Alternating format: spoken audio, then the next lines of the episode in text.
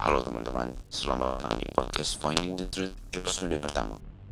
Bersama Dave, Brahms, dan Felicia Kami di sini akan membahas tentang misteri-misteri yang sudah terpecahkan maupun yang belum terpecahkan Intro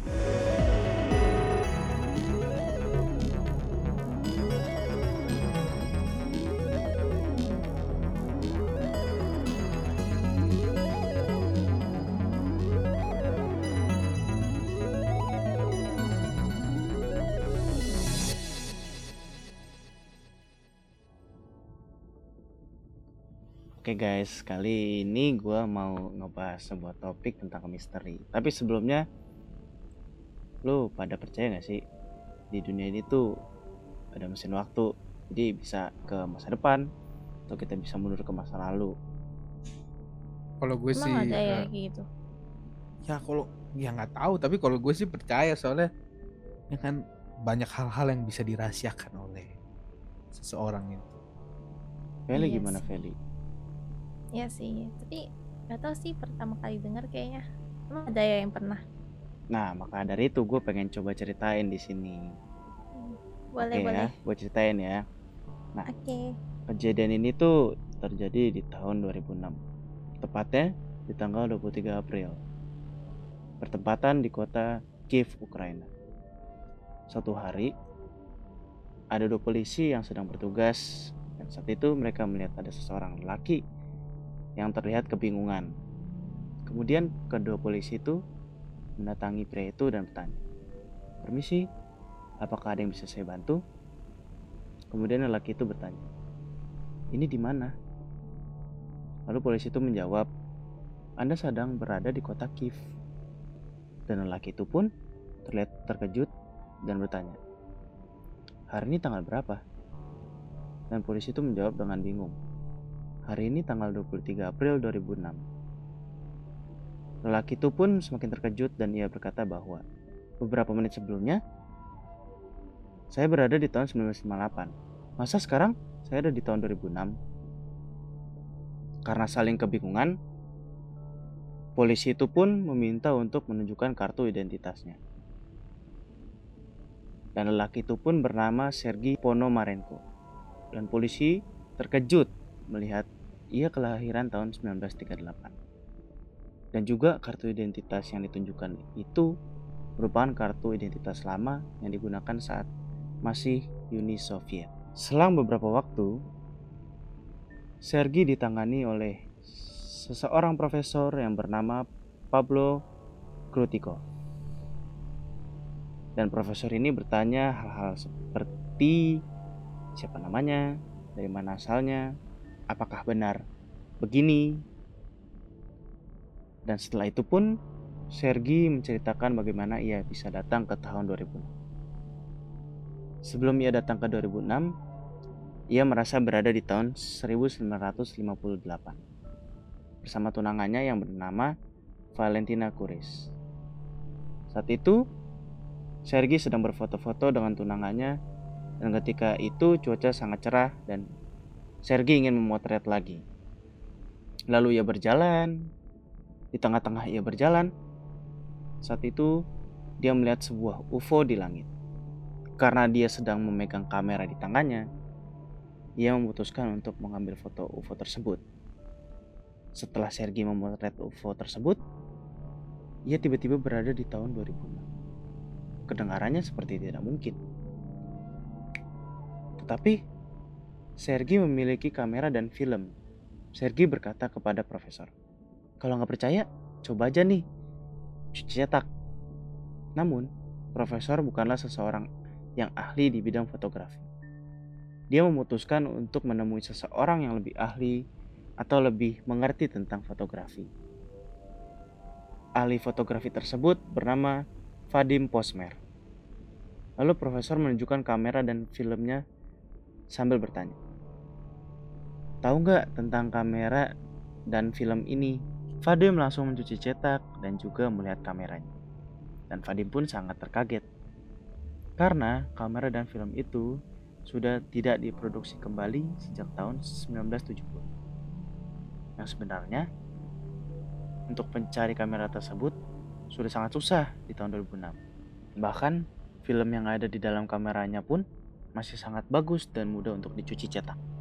Setelah tercetak beberapa foto yang dikatakan oleh Sergi ini pun muncul. Foto itu berisikan foto dengan tunangannya dan ada foto UFO.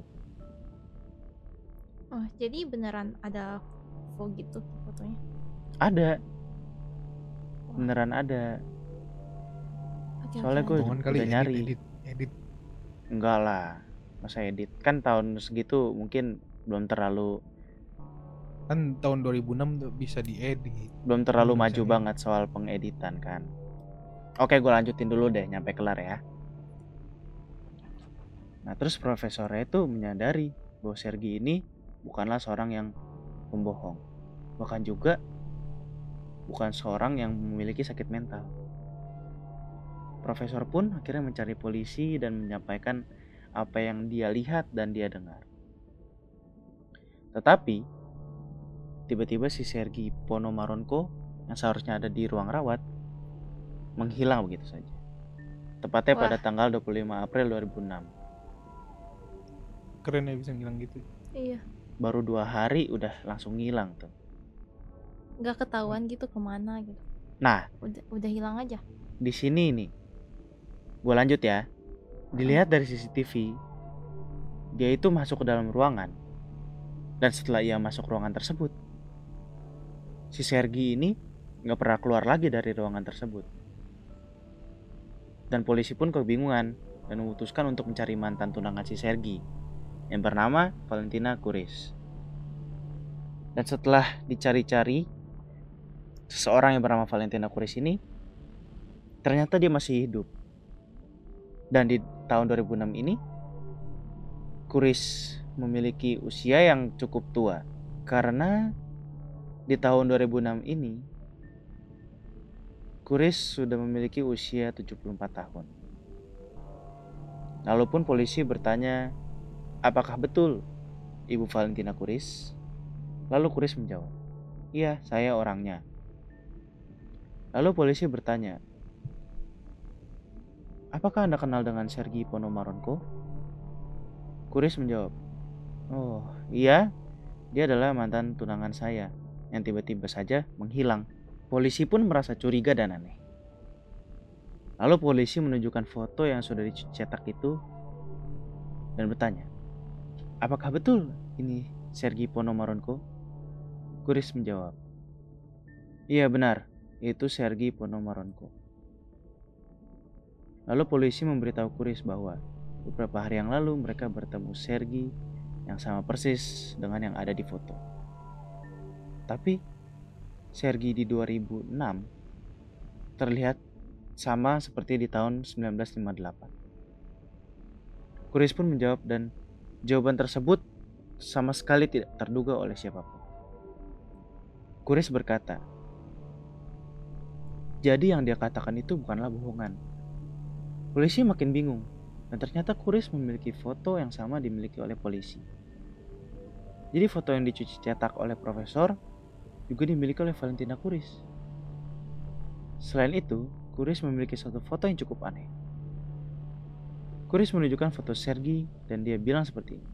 Ini adalah foto yang Sergi berikan kepada saya di tahun 1970. Yang dia bilang bahwa foto ini diambil di tahun 2050. Gak mungkin banget dari 2050. Sekarang aja baru 2020. Kita nggak tahu ke depannya bakal jadi apa. Emang fotonya kayak gimana? Jadi ada dua foto yang dia berikan. Yang pertama di tahun 2006 dengan latar seperti danau dan di belakangnya ada pepohonan dan di belakangnya lagi seperti masih kosong. Dan foto di tahun 2050 ini dia di tempat yang sama tetapi di belakang pepohonan itu terlihat banyak gedung-gedung tinggi. Seperti itu. Lu percaya gak sih Dev? Kayaknya bisa aja edit. Iya sih, bisa kayak diedit loh. Tahun Iya. 2006 soalnya pasti orang udah bilang edit lah. Oke, kita lanjutin dulu aja ceritanya kalau begitu deh ya. Oke. Tadi yang udah gue ceritain dia foto di 2006 dan dia foto di 2050. Si Sergi ini mempunyai pesan juga kalau dia itu bakal berusaha sekeras mungkin bakal kembali ke waktunya. Waktu yang sebenarnya. Dan ada data bahwa Sergi foto di tempat yang sama di tahun 2006 dan di 2050. Polisi yang melihat foto tersebut tidak bisa untuk tidak kaget dan berkata, Bagaimana bisa orang foto di masa depan dan banyak gedungnya?